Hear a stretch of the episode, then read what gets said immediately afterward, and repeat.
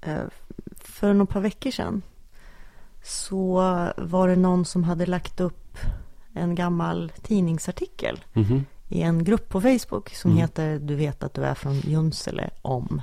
Ja, Ja, som okej. jag är med i. Ja. Eh, och den här artikeln som då är publicerad någon gång, det står tyvärr inget datum eller årtal, men i, i Folket i bild. Mm. Så ser jag liksom plötsligt på bilderna att men det där huset känner jag igen och den där vägen känner jag igen. Mhm. Och så, så visar det sig att, att eh, det är då en artikel om en barnmorska. Som Mhm. alltså förlöst över 2000 barn i Junsele i väster, liksom Ångermanlands inland på 40 och 50-talet. 2000 barn. Mm. Jesus. Och huset då, det är alltså huset som min mormor växte upp i. Eh, som är på bilden, alltså där man får Mm. se att hon går in. Och eh, det är också min... Eh, eh, man ser också vägen som vi brukar gå på till min mormor och ån där jag brukar bada och så här. Det är verkligen precis två meter från där jag levde som barn. Eh, det, som, det som också är fascinerande med den här artikeln Eh, Det är ju det då att det handlar om en barnmorska i Sollefteå kommun. Och, Mm. och hur, det var, hur det var för 65 år sedan. Ja. Eh, hon gjorde hembesök alltså? Hon, Ja, det var, hem, det var hem, hemfödslar? Ja, det var Ja. hemfödslar. Jag vet ju att min mormor fick ju sex barn hemma på Ah. 40-talet och 50-talet. Otroligt. Sen fick hon sitt sjunde barn på Sollefteå BB och då var det, det var på 60-talet. Mm. Men innan det födde hon ju sex barn hemma då. Och det Mm. var förmodligen den här barnmorskan som alltså förlöste min mamma. Ja, Måste det ha varit, har vi räknat ut. vad häftigt. Eh, och jag måste bara få läsa ett litet stycke Mm. innan till För det, Mm. jag tycker det är så fantastiskt med sådana här gamla historier. Jo, de flesta pappor har varit bra, säger Selma Östlund. Utom den pappan som blev så förskräckt att han sprang till skogs. Det var en liten stuga mitt inne i storskogen. Jag Mm. hade vandrat i flera timmar för att komma dit. Ja, eh, när jag kom fram lyste det ur det lilla köksfönstret. Ett gult varmt sken som lekte mot trästammarna alldeles intill väggen. I sängen låg förstföderskan och tröstade mannen som eh, hötte upp golvet runt slagbordet. Det ska nog gå bra du, var bara alldeles lugn, viskade hon mellan verkarna och log mot honom med svettigt ansikte. När jag klev in i köket slocknade ljuset, fortsätter Selma. Det var kortslutning. Det blev alldeles mörkt först och jag skickade ut mannen i vedboden för att ta fram fotogenlampan. Men han kom aldrig tillbaka. Så bröt månen fram genom några moln. Strålarna letade sig in genom det låga lilla fönstret och gjorde hela rummet klarvitt. Jag drog fram sängen till fönstret och förlöste kvinnan i månskenet. När det var färdigt fick jag gå på jakt efter mannen. Han satt bakom en trästam i skogen och såg helt vettskrämd ut. Vilken, vilken litterär kvalitet på det där reportaget. Tänker man för det första. Verkligen. Ja. Det, den, den, det- vi, vi lägger upp den på vår Facebook-sida. Ja, det så kan vi. våra lyssnare gå in och Mm. titta och läsa hela den här Mm. texten själv. Eh, Det var ju så att säga, det, det var ju annat då. Ja, det var annat då. Och nu finns det varken... Hon be- beskriver till exempel här också hur det kunde vara så att det var flera pågående förlossningar samtidigt och hon fick gå emellan. Och då pratar vi inte gå emellan två förlossningssalar utan vi pratar om att gå kanske En mil. en mil. Ja, Mm. otroligt. Ja, nu får man köra den där sträckan istället då. Föda i Och- bilen. Och föda i bilen kanske.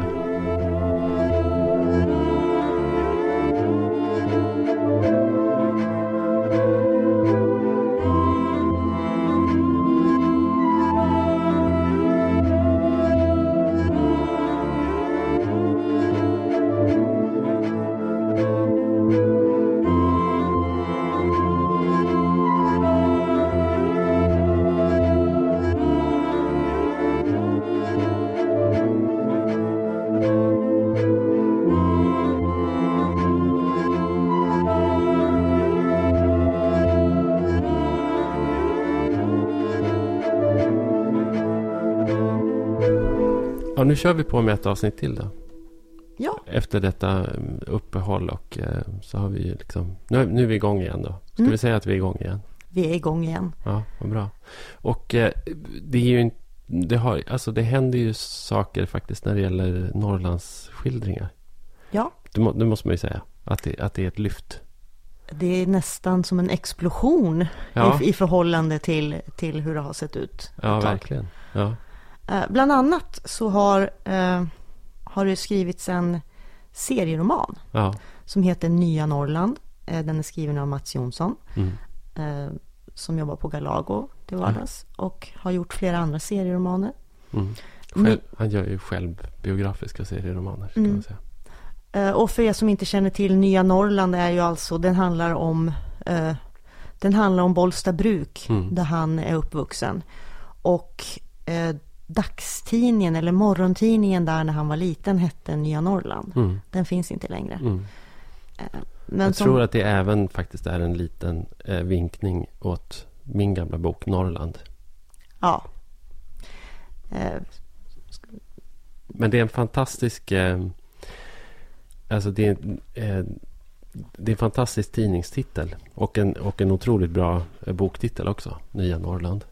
Måste man säga. Jag kommer ihåg den där neonskylten. Som satt, eh, som satt vid torget i Sollefteå. Där redaktionen låg. Nya Norrlands redaktion. Ja, Ja, jag undrar vad den där neonskylten blev av. det har jag ingen aning om. Nej, Men jag minns ju däremot att eh, Kanske ligger i någon vi, källare. vi läste ju Nya Norrland eh, i Junsele. Mm. Eh, ja, det är en serieroman. Mm.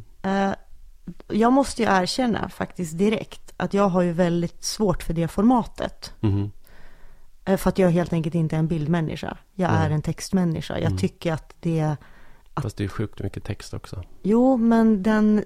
Man blir ju distraherad av bilderna så att säga. Du hade hellre velat att han bara skrev den.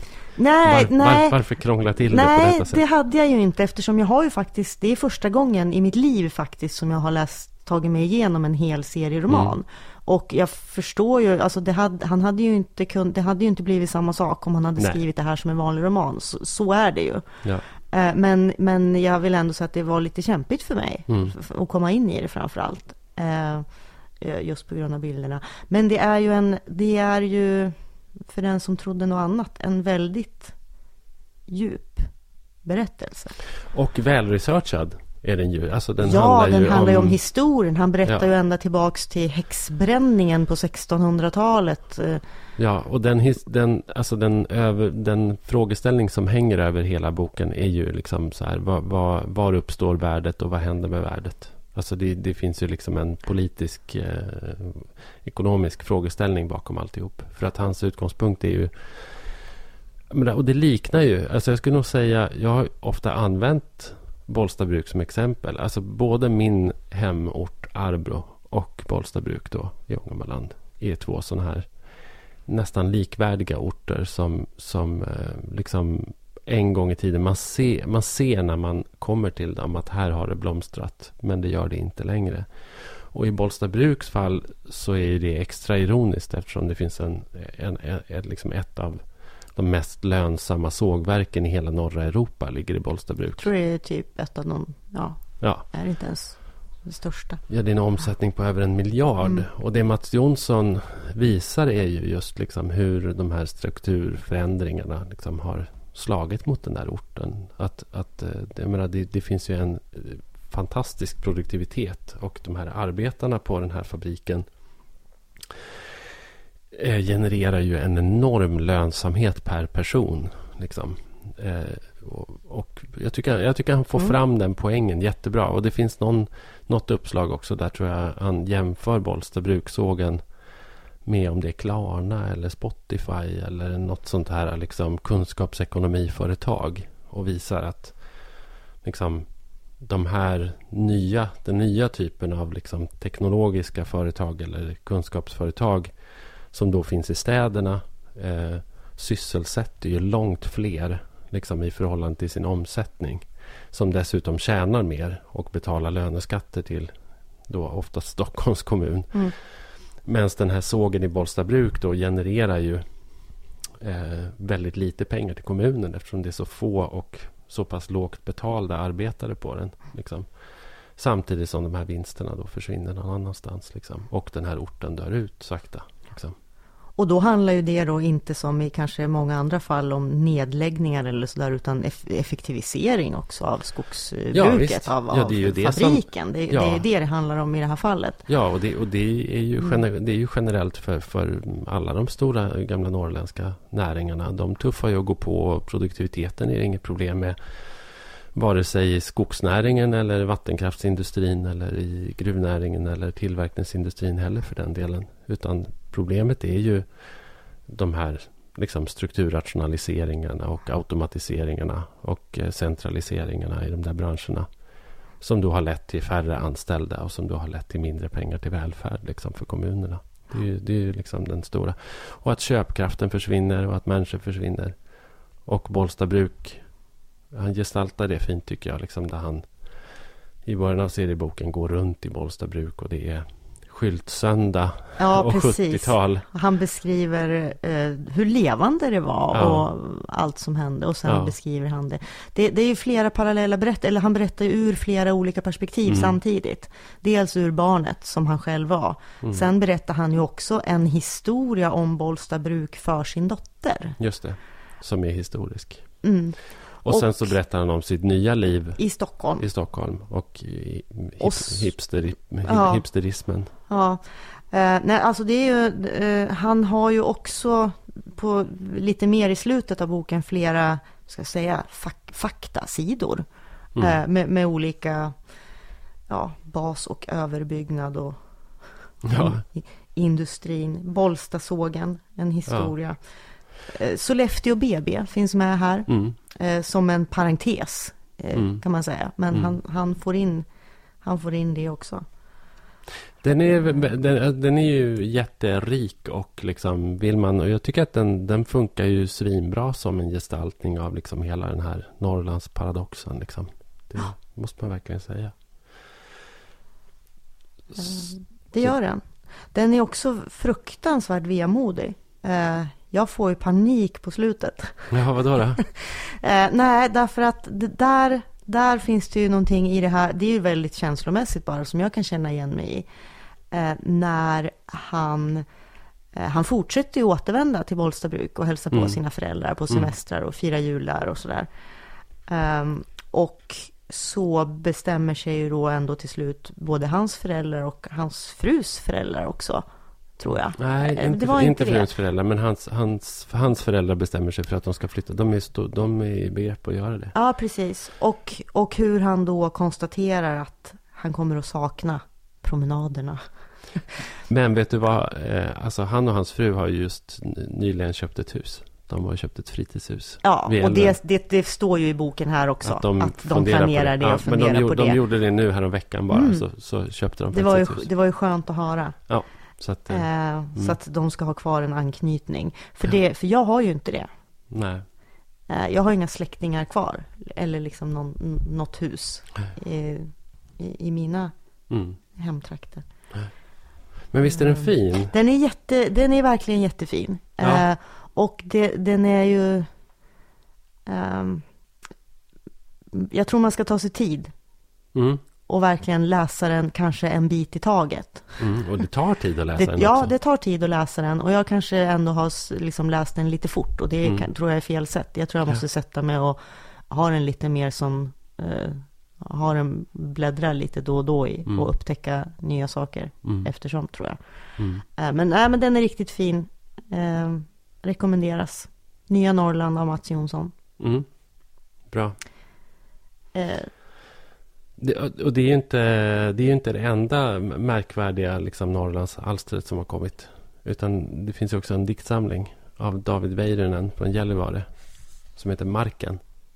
Som både du och din dotter har kastat er över. ja, alltså den är helt fantastisk. Ja. Det är ju förmodligen den, den bästa eh, poesi, po- poesi, svensk poesi jag har läst på väldigt många år. Mm.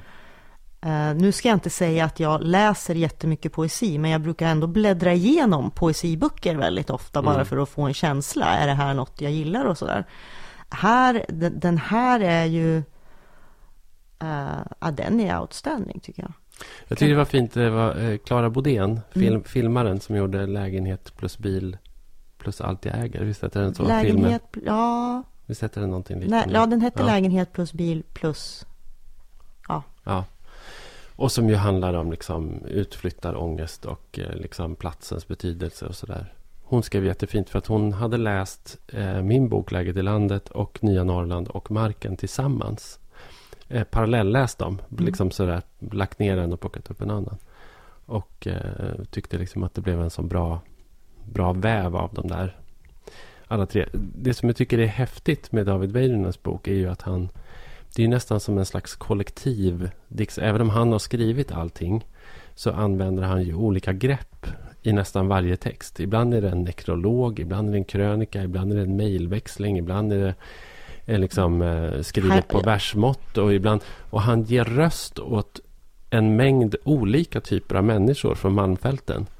Så att sammantaget när man har läst boken så känns det liksom Det känns inte som att man har läst en persons verk utan det känns liksom som att man har fått en känsla för en hel rad människor. Och det, det finns ju ett fantastiskt... Eh, Ja, ibland blir man ju till och med, ibland börjar man till och med fundera på om är det här en dikt han har skrivit nu eller har han hittat det här, alltså har han ja, intervjuat, är det, är det någon annans text? För att han går verkligen in i olika personer och berättar utifrån, precis. Han Ja. ger andra människor röst. Sen gör han det också, jag har ju generellt också ganska svårt för när folk skriver på dialekt. mm, Han lyckas ju skriva på dialekt utan att det stör texten. nej precis. Man hör hans Syntax röst och, och, ja, liksom, precis. ja. Det, är, det är ju snarare så att han vänder orden. Mm. Eh, Ja, och det blir inte löjligt eller liksom överdrivet på något sätt. Utan Nej. det är liksom... Nej, jag tycker, den är, jag tycker den är jättehäftig. Det finns ju ett, och den är rolig också. Ska man ju påminna om faktiskt. Ja. Alltså det är mycket som är kul.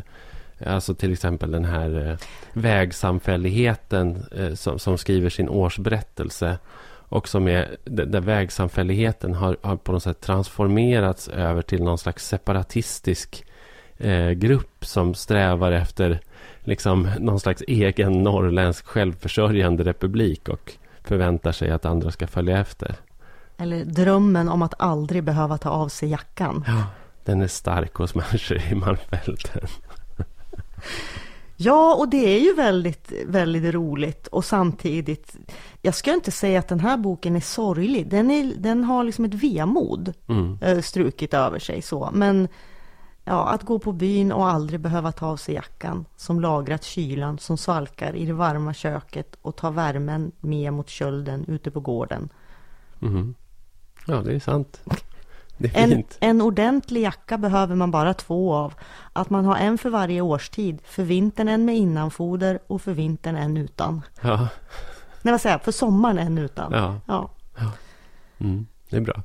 Ja, ja, den här eh, eh, ljudberättelsen, typ ljudboken, reportaget Järnburen som jag pratade om i, i förra avsnittet.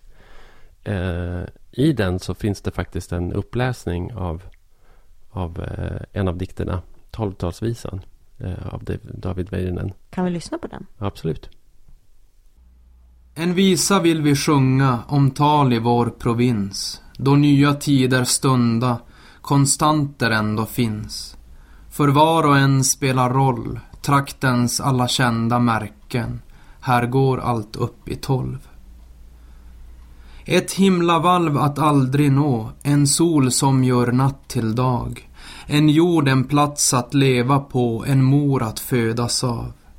Ett arv av fjäll och dalar, ett urfolk som har lämnat spår, en tunga som talar.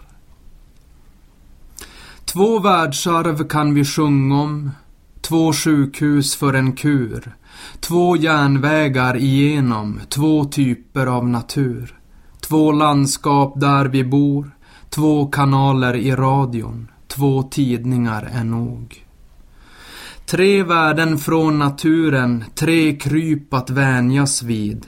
Tre kanaler i TVn, tre folkslag över tid. Tre lappmarker de fann, tre grannländer intill oss. Tre tusen stugors land. Fyra väderstreck att gå, fyra stora vägar. Fyra fält att landa på, fyra större älvar. Fyra rovdjur skygga, fyra speldon att behärska, fyra träd för att bygga. Fem sorters bär i magen, fem fåglar skjuts för mat. Fem mål föda om dagen, fem museer vi har. Fem rovor i eget land, fem minuters rast var timme, fem fingrar på en hand.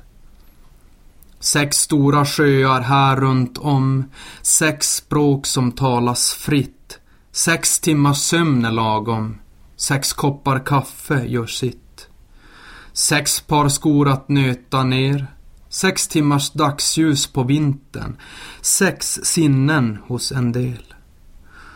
7000 jobb för varandra, sju dagar är veckan lång. Sju av dem att rundan vandra, sju av dem är en igång. Sju fordon krävs i nord, sju färger i vår himmelsbro, sju parker skyddad jord. Åtta kommuner finns här om, åtta därtill konstarter, åtta planeter vi vet om, åtta årets tider är. Åtta verktyg för stort och smått. Åtta timmars sömn till helgen. Åtta fiskar mättar gott. Nio byar över tusen, nio miljarder hektar. Nio vokaler i texten, nio skolår som bas, nio större marknader, nio månader i magen, nio vårdcentraler. Tio platser i våra kök, tio tår för stadigt kliv, tio högtider med besök, tio mil brett fjällmassiv, tio kubik vedupplag, tio tysta dagar om året, tio kannor för ett bad, elva mil till allt vi kräva, elva tandkliniker, elva stenkast till de nära, elva slalomorter orter, elva plagg i kammaren, elva timmar mellan jobben, elva somnar knegaren. Tolv bibliotek för byarna, tolv timmars tid är fri. Tolv kraftverk i älvarna, tolv terawattimmar däri. Tolv berg över två tusen når. Tolv timmars ljus var sommarnatt. 12 månader i ett år. Ja, så låter han, David. Han läser också väldigt bra. Han har ju liksom någon slags eh, också koppling till det här. Eh, alltså det som är liksom eh, Malmfältens eh, påverkansfält har ju på något sätt varit gammelkommunismen och lästadianismen. Och David eh, lånar väldigt mycket från från de båda krafterna känns det som. Och också när han läser så känns det ibland som att lyssna på någon slags gammaldags predikant. Också. Eh, vi ska, då kan vi ju nämna att genom hela boken så listar han ju, jag vet inte hur många han kommer upp i, jo det är 613 påbud och förbud. Som kommer igen. Då och då i boken så fortsätter den här listan av förbud och påbud. Och det kan låta Förbud mot att arbeta om man är tillräckligt sjuk för att utgöra en arbetsfara. Påbud om att låta arbetskamraterna veta att man är lite krasslig. Påbud om att göra ens bästa på arbetet även om man är lite krasslig. Förbud mot att sjukskriva sig för obetydliga besvär. Mm. Påbud om att göra vad man kan för att fortare tillfriskna. Och så är det lite olika teman av de här påbuden och förbuden som kommer igen hela tiden. Mm. Och där är det ju väldigt mycket som är anstruket till, ja, som du säger, lästadianer och eh, kommunister. kommunister. ja. eh, påbud om att bygga ett förråd för svårare tider. Förbud mot att därför hamstra. Påbud om att hålla förrådet fyllt för en längre tid av svårigheter förbud mot att försumma arbetet med att fylla förrådet. Det är mm. väldigt många motsättningar och hur man, det, det, det, hur man än gör kan man inte göra rätt. Nej, Enligt precis. de här. Ja. Eh, nej men eh, den här, vi ska också säga då, den här boken, eh, Marken, är utgiven av Teg Publishing. Som vanligt höll jag på att säga. Det känns som att vi håller Vi- på att pusha. Men, men eh, vi, den här hade vi absolut eh, lyft fram eh, annars också. Ja, och jag skulle säga att vi lyfter väl inte fram saker bara för att de kommer från Teg. Däremot så kan vi ju inte komma bort ifrån att just Teg Publishing är väldigt fokuserade på norrländsk utgivning Nej, av norrländska precis. kreatörer. Så att, Och det är ju ingen slump att, att vi gör den här podden heller åt Teg. Nej. Liksom. Så är det ju. Jag var, man kan också se norrländsk kultur i Stockholm. Jag var och såg eh, premiären av en pjäs som heter Hålet på Orionteatern. Ja. Eh, jag har inte sett den, du får gärna berätta. Det är han var. Mattias Fransson från Klungan och, och Mammas nya kille. Mm. Eh, jag, har alltid, alltså jag gillar dem allihop. Jag tycker, att de är, jag tycker att de är fantastiska. Men Mattias Fransson är ju liksom alltid, alltid den som är liksom allra underligast på något sätt. på ett fantastiskt... Han har en sån otrolig fysik och en slags fysisk närvaro sådär, som, är, som är så speciell. Liksom. Och nu har han fått göra sin första egna riktiga pjäs där på Orionteatern. Som då heter Hålet. Är det han som har skrivit den? Han har skrivit och Mm. regisserat. Eh, och tillsammans tror jag med Jens Sjögren. Som inte alls är norrlänning. Han är väl från Småland tror jag. Låter det som på dialekten i alla fall. Han är också med i pjäsen. Det är fyra skådisar. Eh, premissen är liksom följande. Man sitter på, på gradängerna. Och eh, framför en så är det, det är en fantastiskt fin scenografi. Det är en liten, det är liksom en liten kulle och en liten skog. Och i mitten så är det ett stort hål som liksom leder ner i underjorden där. Och det som är roligt med Orionteatern är att de, de gör alltid så otroligt vilda saker. Liksom. Vill man ha ett hål, ja då bilar de ett jävla hål i golvet. Liksom, så att det blir ett hål. och, och ibland har de ju eh, föreställningar med massa djur och kor och hästar och, och allt möjligt. I, här, I den här föreställningen är det bara kaniner. Men de är desto mer fantastiska, de där kaninerna faktiskt, måste jag säga. Så premissen är att man sitter där, man tittar och det är ett stort hål liksom i den här i, i skogen, mitt i skogen är detta hål. Eh, och eh, ur det där hålet så kommer det upp människor eh, som lever i underjorden. Eh, och eh, det här har blivit en turistattraktion då. Och man tänker sig att det här är någonstans i Västerbottens inland kanske. Och då är det liksom olika karaktärer då som förhåller sig till det där. Det är bland annat en kommunal tjänsteman som sitter liksom med ett block och ett, så här, någon, någon typ av enkät som de här människorna ska fylla i när de kommer upp. Liksom. De är väldigt obrydda de där. De kommer bara upp och liksom är sig själva på något sätt. Och bryr sig inte särskilt mycket om sin omgivning heller. Utan, men då ska de svara på, då ska de svara på frågor. Liksom. Eh, och, eh, och sen så, ja. Men, men sen, sen är det en väldigt rolig karaktär som... Det, det är inte som att den här liksom, pjäsen handlar om någonting egentligen. Utan den, den känns mer som någon slags förevändning för att de ska få hitta på olika roliga karaktärer som kommer upp ur hålet. Eller som liksom omges. Som är runt det där hålet. Men en av de roligaste karaktärerna som spelas av en kvinna. Är en sån fantastisk pricksäker parodi på den här Maud Olofsson eh, kvinnan. Alltså den här extremt hejiga.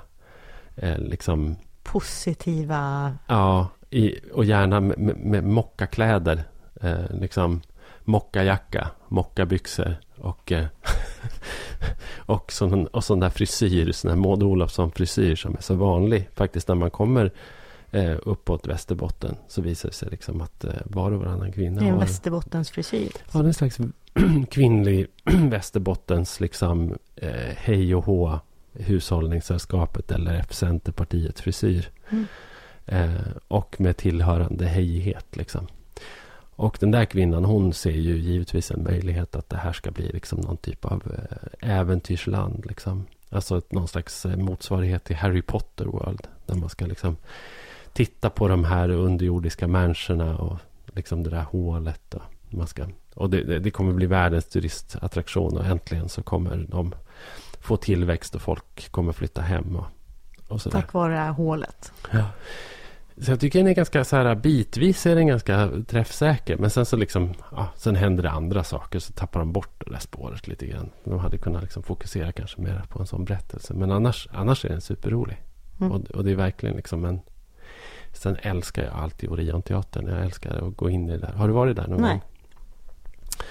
gång? den ligger ner. Det, det var också, jag kom att tänka på det när jag var där. Att eh, när jag flyttade till Stockholm så sammanföll det med att en regissör kom dit som konstnärlig ledare.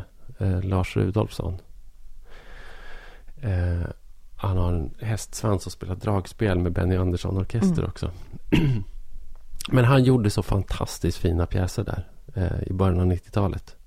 Som jag gick och såg allihop. Han Mm. gjorde någon uppsättning av ett drömspel där han vävde in ehm, han vävde in styckmordsrättegången. Så Katarina Costa var liksom med i den här. Strindberg-pjäsen.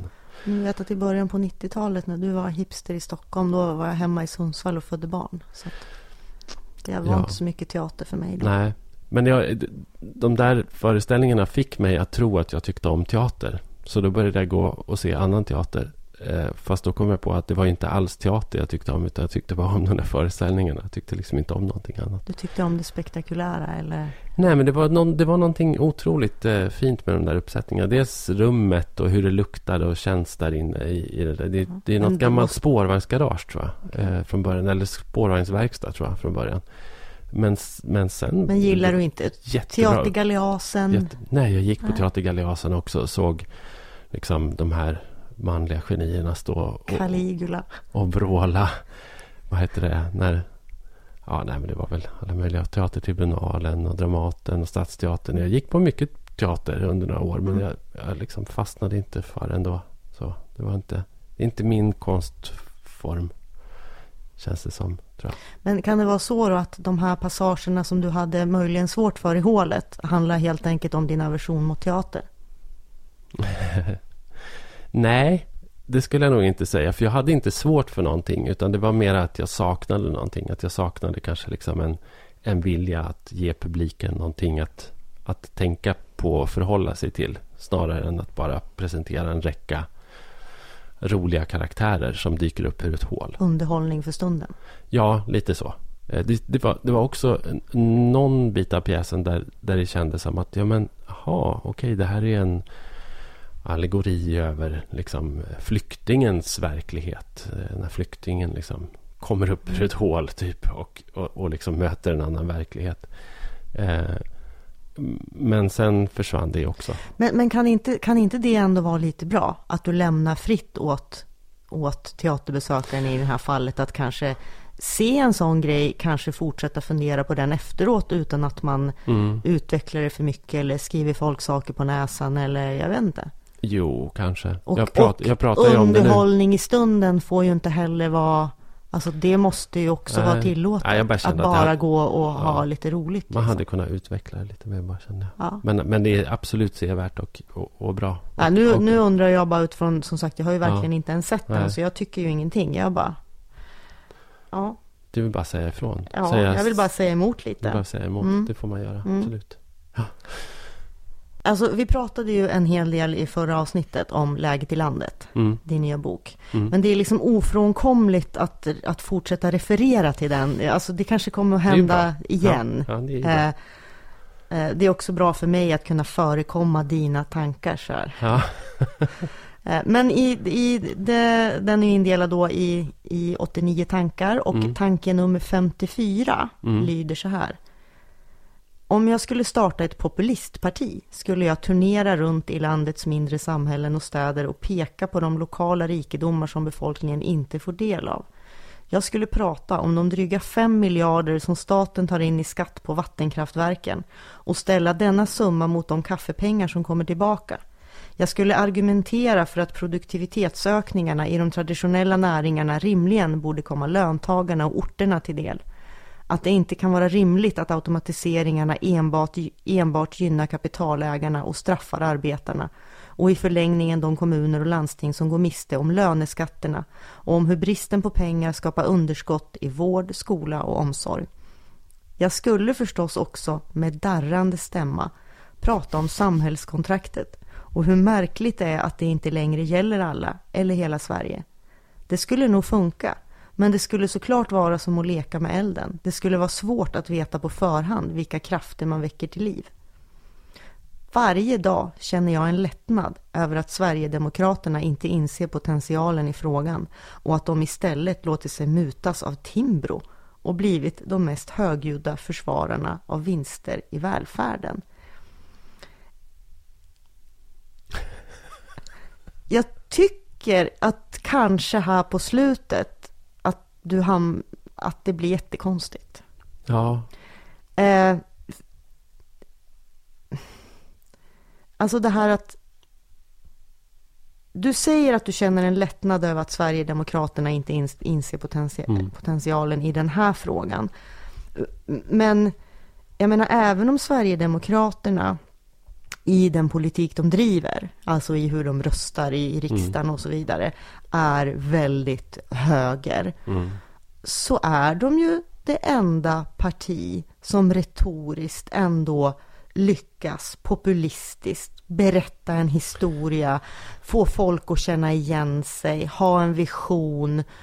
Eh, jag vet inte om just det här du beskriver skulle göra dem starkare om de åkte ut och pratade om det. Nej, det är väl inte deras frågor. Och, Kanske. va, va, jag och, och jag tror faktiskt inte heller att de hade- eh, käkar lunch med Marcus Uvell eller? Ja, ja, det gör de ju. Vad menar du? Ja. det där, ja, det där ja. Ja, nej men alltså det har de ju gjort. De har ju ätit en väldig massa luncher med Marcus Uvell och eh, liksom haft seminarier med Svenskt Näringsliv och sådär. Så att de har väl eh, absolut låtit sig påverkas och lagt om den ekonomiska politiken eh, efter de luncherna, känns det som. De hade om- går man tillbaka och, och tittar liksom två, tre år tillbaka så känns det lite som att deras välfärdspolitik och deras ekonomiska politik snarare var liksom kalkerad från Socialdemokraterna. Mm. Men det Men tycks det har- ju inte avskräcka deras väljare. Nej, precis. Och det kanske har att göra med någon slags populistiskt budskap. Jag tycker väl att svenska politiker överlag är ganska taskiga populister. Eller ganska, då, ganska dåliga på att, att liksom utnyttja populismens positiva krafter. Har du sett den här senaste affischen från Jo Socialdemokraterna? tack, jag har sett den. Den är ju populistisk på ett den är ju sätt. riktigt vidrig. Den svenska modellen ska utvecklas, inte avvecklas. Ackompanjerad av en bild på Gränspoliser. gränspoliser och en text om trygghet. Ja, den är helt fruktansvärd. Eh, och populism på ett... På ett eh, Den ser, ut som, den ser ut som någon som har försökt att göra parodi på en SD-affisch. Jag trodde Och så också att det är var- det en riktig jag, trodde också att det från- var en, jag trodde också att det var en parodi först. För första gången jag såg den så delades den av Lars Berge. Eh, som är från Umeå som skriver satirtexter i Dagens Samhälle. Och jag trodde att det var en satirgrej som han hade gjort. Men det var inte det. Utan den var ju, den var ju alldeles verklig. Det hände mig en jättemärklig sak för bara några veckor sedan. Jag var på en konferens och pratade. Och stod och pratade liksom utifrån den här boken. Och utifrån vad som har hänt liksom i England med Brexit och USA med Trump och Frankrike Le Pen och Tysklands valet nu senast med AFD. Eh, och liksom det här, den här grogrunden för, för populism som, som finns i nästan alla liksom, mogna västerländska demokratier idag. Och att vi ju bäddar för det även i Sverige. Eh, för att en populist skulle kunna liksom svepa in och ta med sig folk. Och jag hade ganska dålig koll på programmet på den här konferensen som jag pratade på. Men när jag hade satt mig så eh, kommer Bert Karlsson upp på scenen. Och drar igång eh, en svada som inte alls liksom anknöt till den rubrik han hade fått eller till det som han hade liksom sagt att han skulle prata om. Eh, utan bara var liksom hans vanliga Bert Karlsson-svada. Och han är så jävla bra. Han är så, han är så, han rycker med sig folk. Han är så, han är så lysande. Eh, han är en sån lysande retoriker. Kan jag få korrigera? Ja, när man säger att någon är bra, ja, men du förstår vad jag menar. Han är, nej, han är inte bra. Han är, han är hemsk. Och Men det är han en, alltså du säger att han honom. är en sån lysande retoriker Ja. och jag har så svårt att tro på det ändå för jag har ju hört Bert Karlsson prata. Han är, han är en lysande retoriker på samma sätt som Donald Trump är en lysande retoriker. Alltså, jag tror att om man är en, en hyfsat liksom, bildad människa så, så går man inte på det. Men det finns en energi där och det finns slags, någon slags flow i det. Och det finns liksom den här strömmen av lösningar som i det ögonblicket känns som, ja men herregud, varför gör vi inte så? Varför, varför, varför, varför låter vi det hända? Varför, varför åtgärdar vi inte det på det här otroligt geniala, superenkla sättet? Det är bara det att sen när man tänker på liksom, ja, hur ska det här liksom appliceras på verkligheten? Eller är det överhuvudtaget lagligt? Eller, eller så. Då, då kommer man ju på att nej, nej, det, det går ju inte. Liksom. Och det är samma sak med Trump också. Han blåste ju halva liksom, USAs befolkning med den där retoriken. Men det är klart att han inte kan riva upp en massa handelsavtal eller Parisavtalet eller bygga en mur eller, eller vad fan det nu är. Liksom. Ingen, ingen av de där sakerna funkar ju. Eller miljölagstiftningen. Och liksom så här. Ingenting kommer ju bli bättre av det. Liksom. Men det, det lät ju på något sätt troligt i ögonblicket. Och det var det som var, det var, det som var grejen med, med eh, Bert Karlsson också i det läget. Att, att liksom, och det var på något sätt som en otroligt läskig påminnelse om vilken kraft det finns hos den typen av personer. Och om man är om man är en, en, liksom en värnlös, om man är en, en, på många sätt värnlös människa så är det klart att det, det, finns en fara i att man lyssnar på, på honom. Eller någon annan. När du slänger ut en sån här grej, att du känner lättnad över att Sverigedemokraterna inte inser den här potentialen. Mm. Tänker du aldrig då att tänk om de gör det? Tänk om de tack vare dig nu faktiskt Aha. De läser min bok och eh, tänker att ja, ja, där borde vi, det borde vi ge oss in i. Nej, det tror Nej, jag, jag vet, jag vet inte, för jag hade någon jag grej för ett tag sedan i våras. Att eh, när jag skulle försöka liksom komma på vad jag tror skulle kunna vara en viktig valfråga. Mm. Om man bortser från de här självklara som är nu, liksom att folk bryr sig om migrationen och uh, trygghet och säkerhet och sådär. Och jag tänker, och jag uh, tycker att uh, psykisk ohälsa borde bli det, eller psykvården och psykvården för unga där det är bedrövligt och där det ändå är så mer och mer att de allra, allra flesta har, precis som att de allra, allra flesta känner eller kommer att känna någon som får cancer, så har de allra, allra flesta någon i sin bekantskapskrets som mår psykiskt dåligt, mm. särskilt unga. Eh, det är inte så många som nappar på det.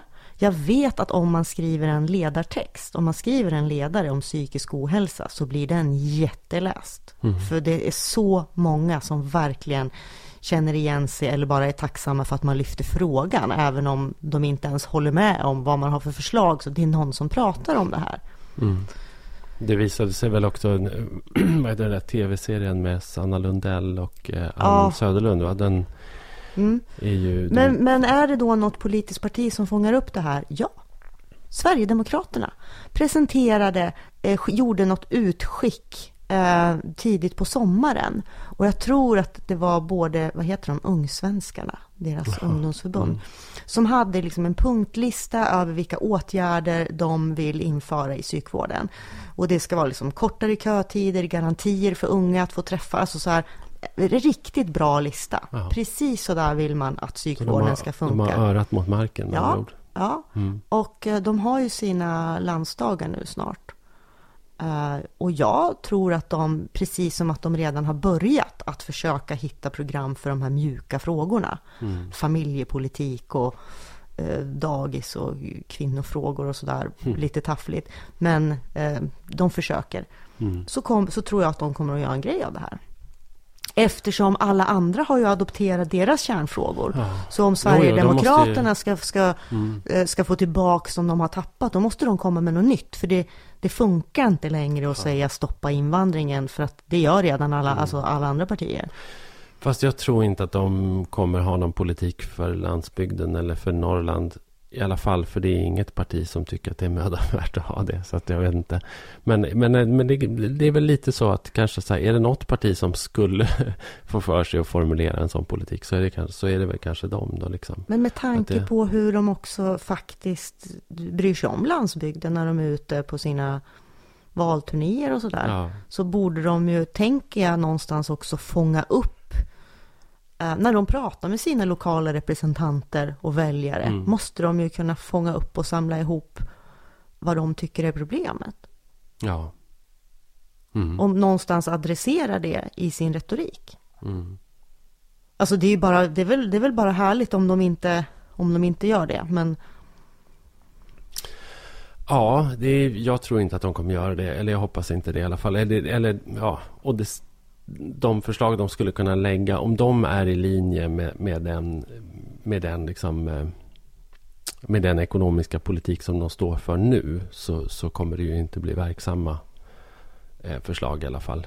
Det, det, tror jag inte. Sen är ju... Men det är väl väldigt många förslag också som kommer från Sverigedemokraterna, precis som många förslag som har kommit från Trump ja, inte behöver... går att genomföra och att Nej. de inte behöver ja, leva upp till dem. Nej, de behöver kanske inte heller. De kanske inte har något krav på sig själva att vara konsekventa heller. Och det, det är ju en, det är ju en frihet eh, liksom, att vara ett sådant parti. Men, men ändå. Men ja, jag vet inte. Jag, jag har ju tänkt en hel del på det här liksom med varför? Ja, men så, såklart var, varför man inte tilltalar landsbygdsbefolkningen eh, politiskt. Eh, och det har ju funnits en, en väldigt stark idé om att... Alltså dels har ju politiken varit väldigt inriktad på urban tillväxt. Liksom. Men, det har också, men jag tror också att det hänger ihop med att det har betraktats som relativt riskfritt att strunta i landsbygdsbefolkningen. Ja, och så, det är det väl fortfarande? Men jag, grejen är att jag tror inte det. Men om vi går tillbaka till den diskussionen som vi hade i förra avsnittet. Det här med liksom den här definitionen av, av stad och land som urbant och icke-urbant. Och så har vi, om vi tänker oss en sån definition av Sverige, eller liksom en, uppdel, en sån uppdelning av Sverige, så är det ändå faktiskt en minoritet, skulle jag säga, av Sveriges befolkning som lever ett renodlat urbant liv med en urban livsstil och som kanske i längden känner sig tilltalade av idéer som frihandel, globalisering, liberaliseringar, valfrihetsreformer, eh, inkludering, mångfald, alltså hela det paketet av liksom av eh, mysiga liksom du, du, kan ha rätt, men jag tänker också att folk som bor i de här mindre städerna, som om vi säger Sundsvall, mm. som du menar ändå är landsbygd, alltså det är inte ja. en urban stad. Nej. Men att, att jag upplever att det ändå finns hos människor i Sundsvall en väldigt stark önskan om att höra till det urbana. Så även om man inte gör det så, så tror jag många identifierar sig själva med det Det tror jag ändå. också. Ja, men det tror jag också. Och det, och det tror jag har, alltså, och grejen är så här, det tror jag att folk har gjort eh, i de andra länderna som har röstat fram, liksom, eller nästan röstat, röstat fram eh, obehagliga populistiska kandidater också. Men risken med att, att liksom så sträva efter en tillhörighet i urbaniteten och i liksom det här framtidsprojektet är ju att när man inser att man inte får vara en del av det eller att man blir en slags femte klassens medborgare i, det här, liksom i den här nya sköna urbana världen. Det är då det kan slå över i bitterhet. Och man känner att nej, det här var inte för mig. Det här fanns inte för mig. Det här, den där, det här livet var inte tillgängligt för mig. Eh, det gled mig ur händerna. Och, då, och det är då man... Det, alltså det är då liksom populisten kommer in och liksom ja. hugger tag i dem tror jag. För, för, det var ett par saker som jag faktiskt också tänkte på när jag läste din bok. Uh, du återkommer ju här och där till, till hur EU har påverkat mm. eh, landsbygds eller regionalpolitiken. Att vi inte har så mycket att säga till om längre och sådär. Och eh, i förlängningen så tänker jag, finns det, finns det inte en risk om, om vi lobbar för mycket för landsbygdsfrågorna och Norrlandsfrågorna och sådär. Mm. Att vi får eh, en slags ny populistisk rörelse som typ antingen för en svexit från EU mm. eller en eh, Norrlands exit. Alltså att, att, att det bara bidrar till en större, ökad polarisering i Sverige och i Europa. Jo, det, ja, det skulle man väl kunna tänka sig. Men det beror ju helt och hållet på varför man gör det och hur man gör det. Och jag skulle inte säga att, att det sättet som du och jag gör det på och som ju handlar jättemycket om att liksom vända och vrida på saker och nyansera och problematisera och sådär. Alltså vi står ju inte på barrikaderna och liksom för någon kamp. Och, och, och, en sak så här som jag tycker är som jag känner att jag hela tiden måste värja mig från att bli indragen i. Det är den här liksom kulturkampen mellan stad och land på något sätt. Där, där landsbygdsbon gärna vill försvara sig och sin värdighet genom att racka ner på staden. Ja, men titta hur det är i staden och titta på bilköerna och det är våld och det är, och det är kriminalitet och så mycket stress. Och inte skulle jag vilja ha så mycket stress eller liksom. Och, och, och därför att då är man nere och klankar på människors livsstilsval. Eh, och, och då, då, då, tycker jag att man då tycker jag att man hamnar snett och då tycker jag att man riskerar att, att liksom elda på mm. fel sorts. Men, tycker, men, om vi lyfter... men, men om man mm. upp, förlåt, om man, men om man uppehåller sig som ju du och jag gör mest liksom, i, i liksom strukturella frågor. Vi pratar liksom om ekonomi och infrastruktur och politik och liksom de här då hamnar vi ju inte där. Nej, fast liksom. jag tänker att det kan ju lyfta, eh, det kan ju orsaka tankar hos andra. Mm. Jag tänker, alltså man, man, skulle kunna tolka din bok som väldigt EU-kritisk. Om man väljer att tolka den så. Den är ju EU-kritisk. Ja, eh, alltså, absolut, men, men, men det, alltså jag tolkar, eller jag tror ju ändå inte att du vill att vi ska gå ur EU. Nej, inte som det är nu. Det skulle vara så komplicerat. Ja. Så att, ja. Jag tyckte inte att vi borde... Alltså, Nej, men jag menar, jag vi skulle vi, kunna få en stark rörelse att, för att gå ur EU. Vi borde inte ha gått med, så mycket kan jag säga. Nej, och det, det kan man absolut diskutera. Men nu är vi med och nu är det som det är. Och mm. jag ser inte Svexit som en lösning på, det någon, inte jag, Och det gör inte jag heller. Jag ser inte heller ett självständigt Norrland som men, lösning men, på någonting men heller. Men däremot, alltså nu är ju Sver Sverigedemokraterna är ju, de vill ju lämna mm. EU. Men de har ju inte gjort det till en stark profilfråga. Det är ju ingenting som de liksom pratar jättemycket om finns, med sina väljare och sådär. Nej, det finns ju jättemånga som är Vänsterpartiet har ju också haft i sitt partiprogram. Men, men, och det står väl kvar fast de säger att vi driver inte frågan. Nej, liksom. men, men, men om man tänker sig att Sverigedemokraterna verkligen skulle börja driva den. Mm. Bland annat med hjälp av argument som du har skrivit här. ja, vilken mardröm.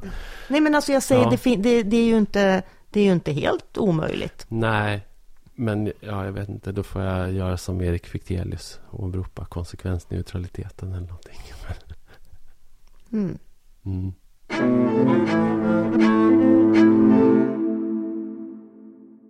Kära lyssnare, eh, eh, tack för att ni lyssnar. Och eh, om ni tycker om vår podd så eh, får ni jättegärna gå in på patreon.com snedstreck Norrlandspodden och bli eh, patroner, höll jag på att säga, men eh, donatorer till, till den här podden. Eh, och då dras det valfri summa pengar varje gång vi släpper ett avsnitt. Och eh, när vi inte gör några avsnitt så kostar det ingenting. Eh, det, det, är lämpligt och schysst, tänker vi. Så att patreon.com snedstreck Norrlandspodden.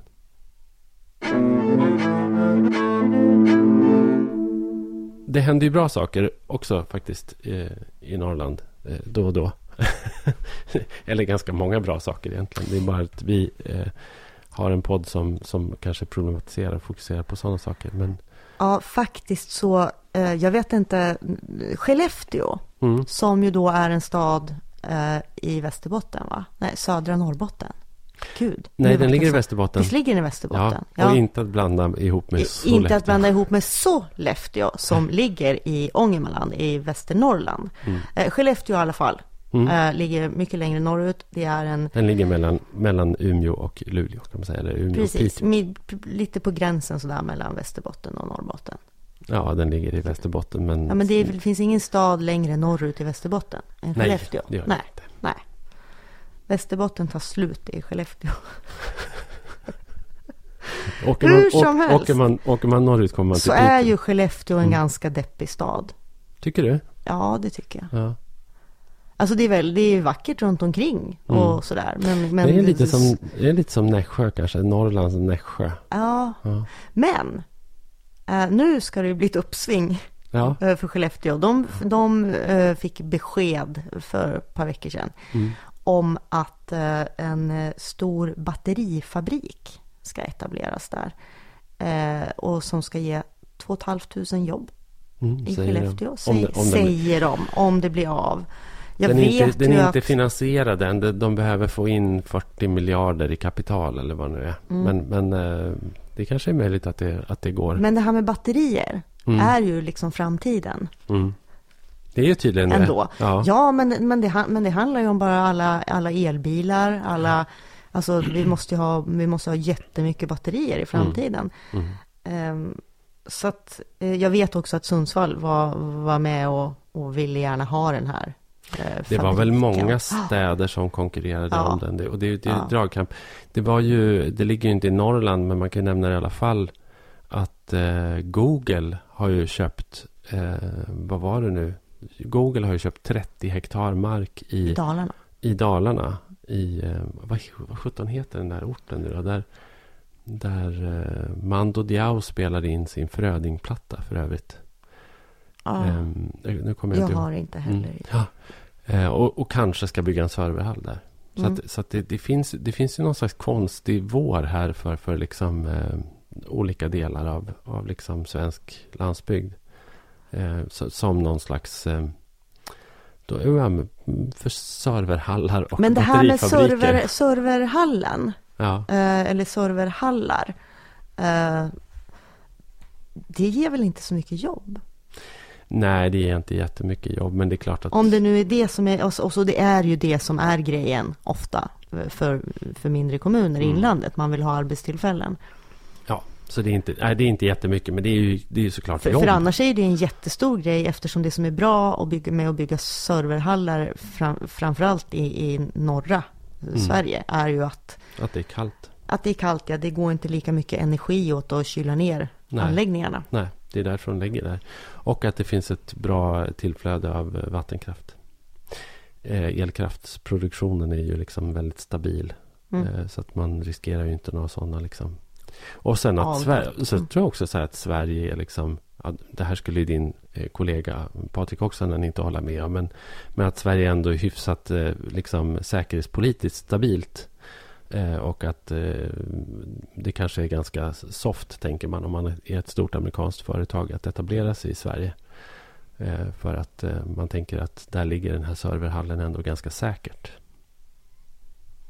Vad tyst du blev nu. Du, du vill att jag ska kommentera Patrik Oksanen.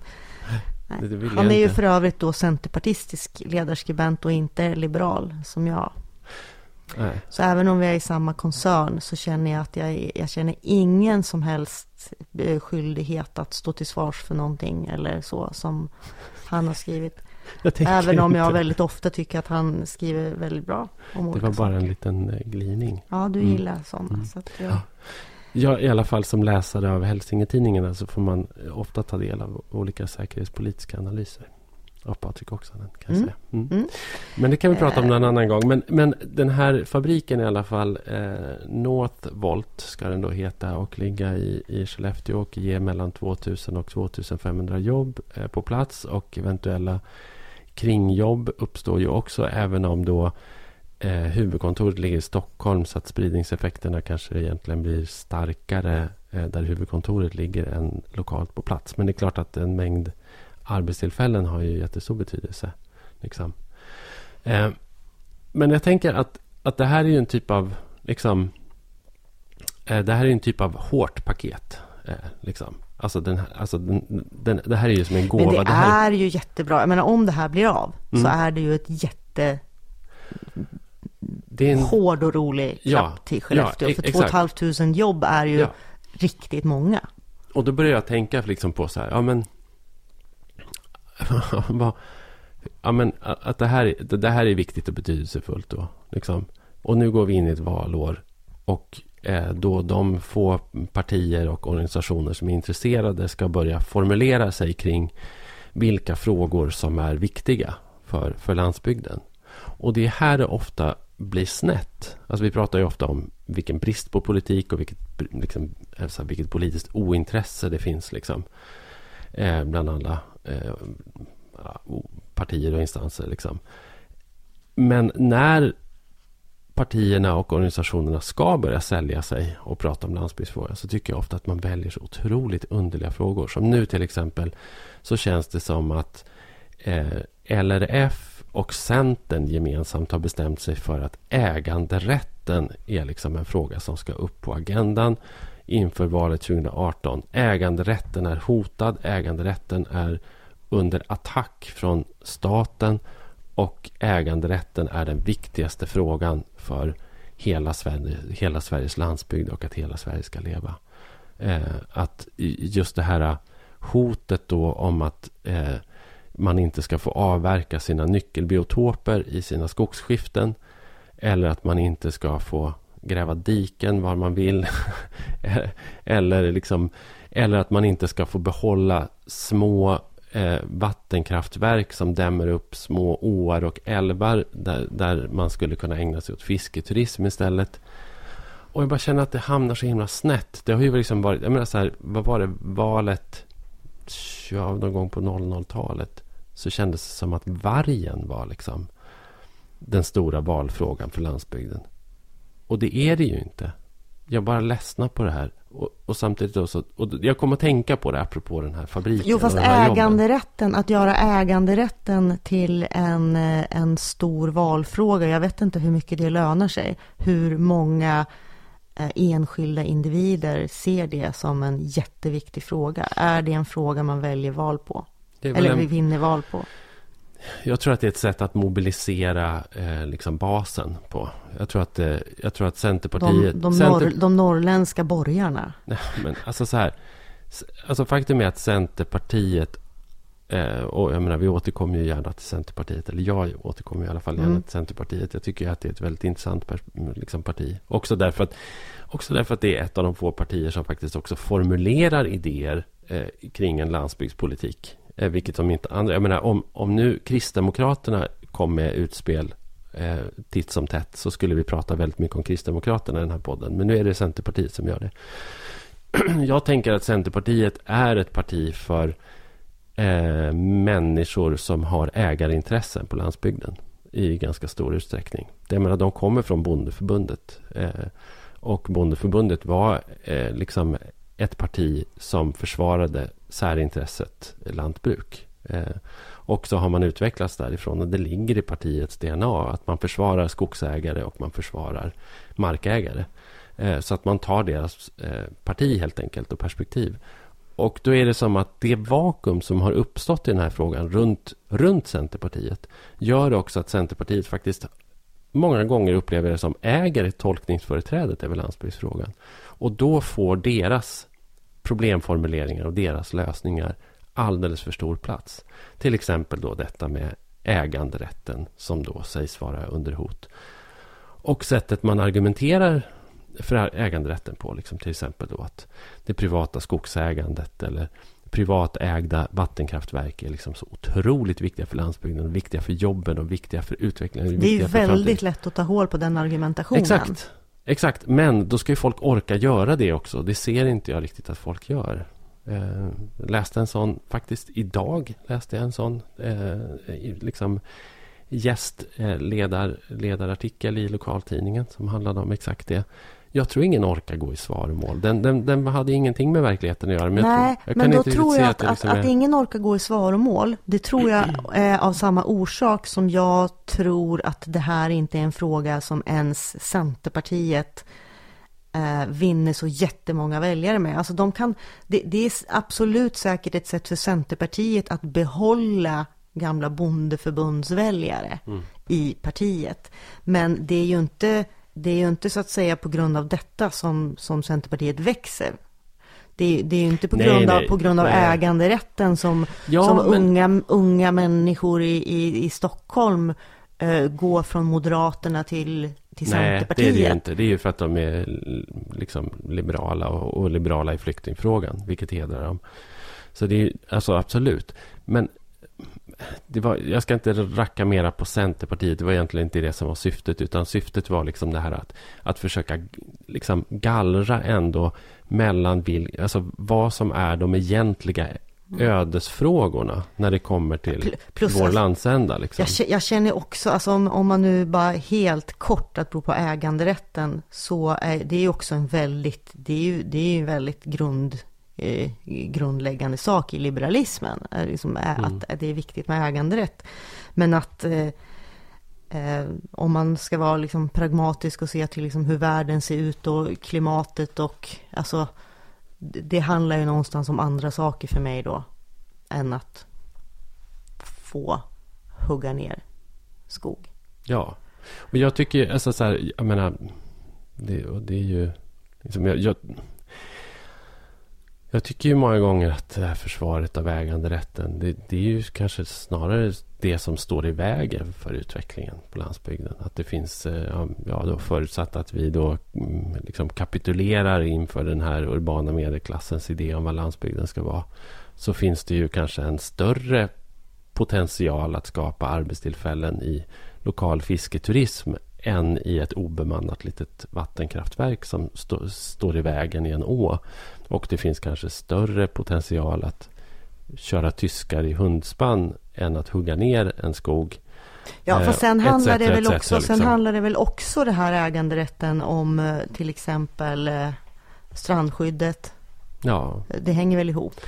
Nej för, där, nej, för där vill ju gärna, ja på sätt och vis. Ja, men man vill ju också vill luckra upp strandskyddet. Man, ja. Därför att det känns väldigt konstigt på vissa ja. eh, avfolkningsorter att man inte ska få bygga strandnära.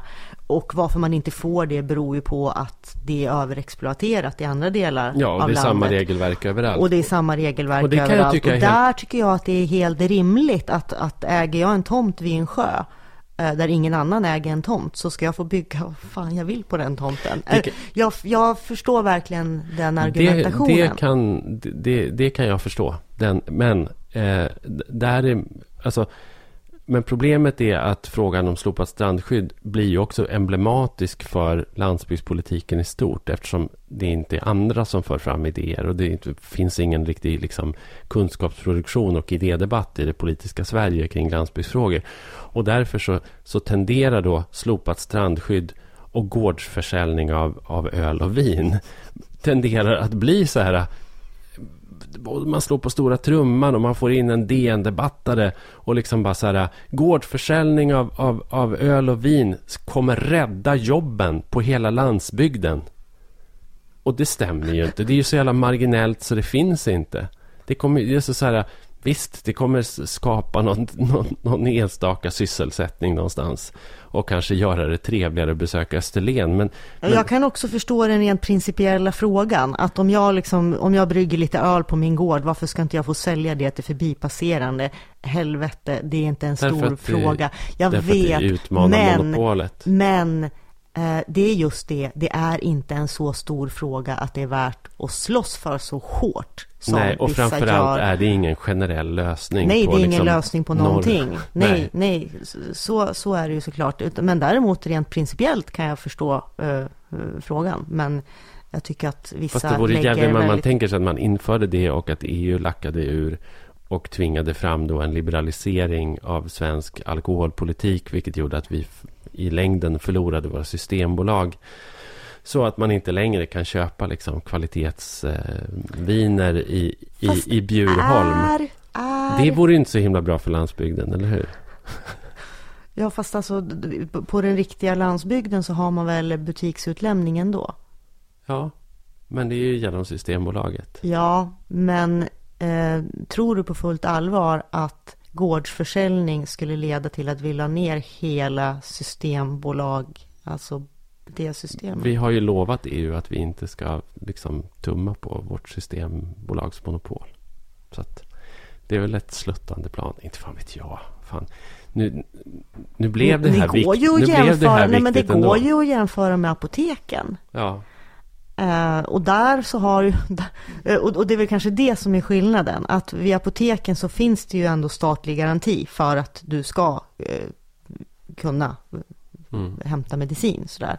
Men om man skulle släppa på alkoholmonopolet så skulle det vara jättekonstigt om staten lämnade någon slags garanti att du ska få köpa sprit i närheten oavsett. Jo men jag menar, så är det ju nu i och med att ja. det är ett monopol. Och det, och det, är ju jätteroligt. Men om man att, släppte att vi... på monopolet ja. så skulle ju det vara en väldigt konstig garanti. Jo, på en fri ja. marknad. Att, att staten skulle gå in och garantera dig rätten att köpa sprit. Det är ju väldigt, det är en väldigt rolig ironi detta. Att, mm. att, att vi har en lagstiftning i Sverige som som liksom tvingar staten att ha systembolag och systembolagsanställda i varje kommun. Men inte poliser. Och inte förlossningsvård. Och liksom inte tandläkare. Och eh, men, men systembolag. Mm. Det, det, är ändå, det är ändå lite fint tycker jag. Så att jag tycker ju om Systembolaget av det skälet. Att det liksom är så här. Det, är det enda vi har rätt till. Det, sprit. det enda vi har rätt till är sprit. Här kommer våra 1800-talsrötter fram igen. Liksom. Mm. Det här. Fast man, man behöver inte köpa renat liksom. Eller Norrlands akvavit. Man kan ju, man kan ju köpa en fin Pinot, Pinot Noir. Eller, eller liksom. Ja, Chablis till. Ja, eller eh, Syrah, Grenache. Eh, det är en bra druvblandning till exempel. Hörru, ska vi eh, gratulera också eh, Norrlands eh, absolut främsta eh, rockpoet. Ja, Matti. Matti Alkberg som har fått ett fint eh, stipendium från Konstnärsnämnden och kan fortsätta i de närmaste tio åren att göra precis vad fan han vill. Eh, vilket han kanske gör ändå, men, men eh, därför att han, han är försörjd, eh, åtminstone delvis. Eh, det, tycker jag, det tycker jag också är fint, apropå, apropå, liksom, eh, apropå Systembolaget. Så tycker jag att det är fint att, att det finns sån här, liksom, den här typen av konstnärslön. Att vissa typer av kreativa människor faktiskt mm. ges utrymme att få göra vad fan de vill. Ja, det är faktiskt eh, det, det är ett tecken på liksom, höjd i det demokratiska samhället. Mm, som du sa så har, gör ju Matti det. Han mm. har ju gjort som han vill i mm. ganska många år. Och han har ju ganska nyligen, ett tag sedan nu, en, men släppt en, en, eh, riktigt bra album. Mm. Ska, vi, ska vi avsluta med, med lite? Ja. Mm, vi gör det. Tack.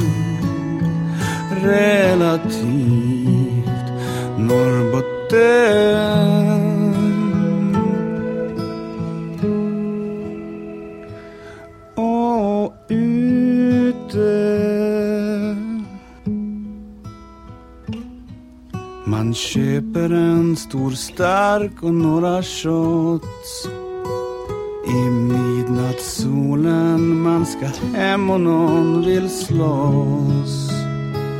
Och man vaknar det är morgon på akuten. Klart det hade ju